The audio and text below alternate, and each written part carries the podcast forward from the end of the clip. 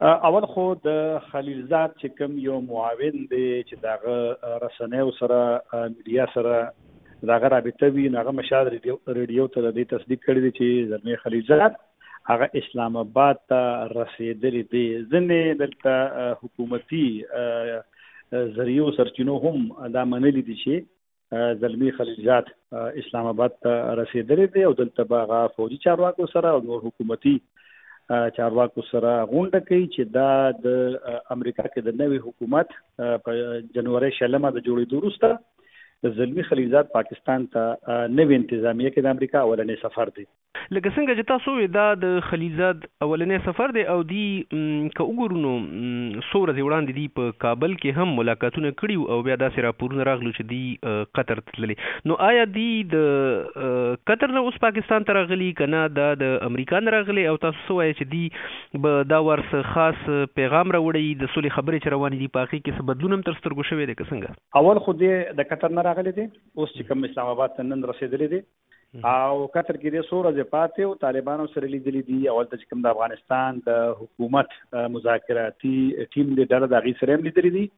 او دغه وړاندې په کابل کې وو او د سفر اهمیت دا دی کابل او قطر او پاکستان ته چې اوس امریکا یو خپل نوې یو یو نوې پلان د یو شریک حکومت دا غي وړاندې کړی دی چې هغه د افغانستان دوه حکومتي چارواکو منرین دي چې دې تور کړی شوی دی د چې کوم د ملي امنیت د افغانستان صلاحکار دی حمد الله محب دا تیر ورځ په کابل کې ومنل تایید یو کړ چې دغه پلان ورکړی شوی دی او بیا چې کوم د مصالحه د شورا ډاکټر عبد الله کم ویان دی فریدون خوازونه غم دا منلې دي او طالبان ویان مشال ریډیو ته یو پوښتنه لیکلې و هغه هم دا ومنل چې دوی سره هم دغه پلان زلمی خلیلزاد شریک کړی دی البته دوی چې پاغه باندې به طالبان غور کوي او دا غیر رستو بیا رسمي جواب دی ته وای او اوس چې کوم پاکستان کې دی دی نو دغه پلان به د پاکستانونو سره شریک یو پلان زمانه زرداري ذکر راغی مخه تا امریکایان هم دا غوښتل ټول دا غواړي چې افغانان د خپل منځ کې اوس مسلې حل کړي لیکن پنځه میاشتې وشوې چې خبرې بین الافغاني مذاکرات شروع شوې دي او تر دې وخت دواړه غاړې حتی چې په ایجنډا باندې هم نه دي متفق شوي، پنځه میاشتې وشوې. تېره ورځ په رسنیو کې داسې یو خط هم رامخې ته شوی چې ویل کېږي د امریکا خارجه وزیر انتوني بلېنکن ولسمشر اشرف غني ته لیکلی او په هغې کې د امریکا د پوځونو وتلو ته هم اشاره شوې ده او د نوي ورځو لپاره د اوربند ته هم اشاره شوي ده یعنی ډیرې خبرې داسې دي بیا داسې یو کانفرنس ته هم اشاره شوي د پاکستان لخوا یا د طالبانو لخوا دې ته څه غبرګون په نظر راسي د طالبانو خو ما وویل چې دوی دې نوې دغه طرحه چې کوم ده دا پلان چې د امریکا شریک کړی دی دې باره کې خو لا رسمي جواب نه دی ویلی البته د امریکې د خارجه وزیر د لیک ته دې ته هم تر اوسه پورې جواب نه دی ویلی لکه په لیک کې ځنې خبرې داسې دي چې ډېر احتمال شته چې طالبان په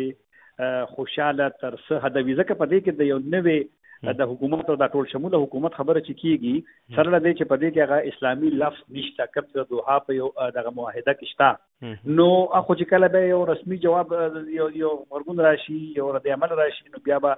اندازه ولګي چې طالبانو سره راي ده ته افغانستان حکومت ویل چې دی دغه ټول شانو ته ګوري البته دوره جوړان چې کله افغانستان ولسمشر پارلیمان ته وینا کوله نو په اشارو کې دغه پلان مخالفت هم کړی وو طاهر خان صاحب پاکستان له خوا په دې تېرو څو ورځو کې یو داسې بیان هم مخې ته راغلی چې ښکاري داسې چې پاکستان د طالبانو په یک طرفه تور په حکومت کې پراتلو باندې ډیر خوشاله نه دي د دې وجه څه کېدی شي او آیا داسې ده چې پاکستان لکه د طالبانو د مرستې د پالیسۍ نه لاس په سر شوی دی او که داسې وي نو د طالبانو دې ته تر اوسه پورې څه غبرګون دی ستاسو د پوښتنې اخیرې نه به شروع کوم چې طالبان کله هم د پاکستان د دغه رنګ پالیسو یا د دې نه مخکې چې کوم بیانونه دي طالبان د پاکستان دغه ته جواب نه وي نو پاکستان هم زما خیال اوس غواړي چې د پاکستان په اړه کوم هغه نظرونه دي د پاکستان نه ګیلې دي هغه وضاحتونه وخت په وخت باندې کوي او دا زما خیال چې د فوج د ترجمان دا بیان چې وو دا زمان دا نظر چې دا خپ پلان باندې ورپېښ شوی دی دا یو دنیا ته یو میسج او بل یو خبره بلم ده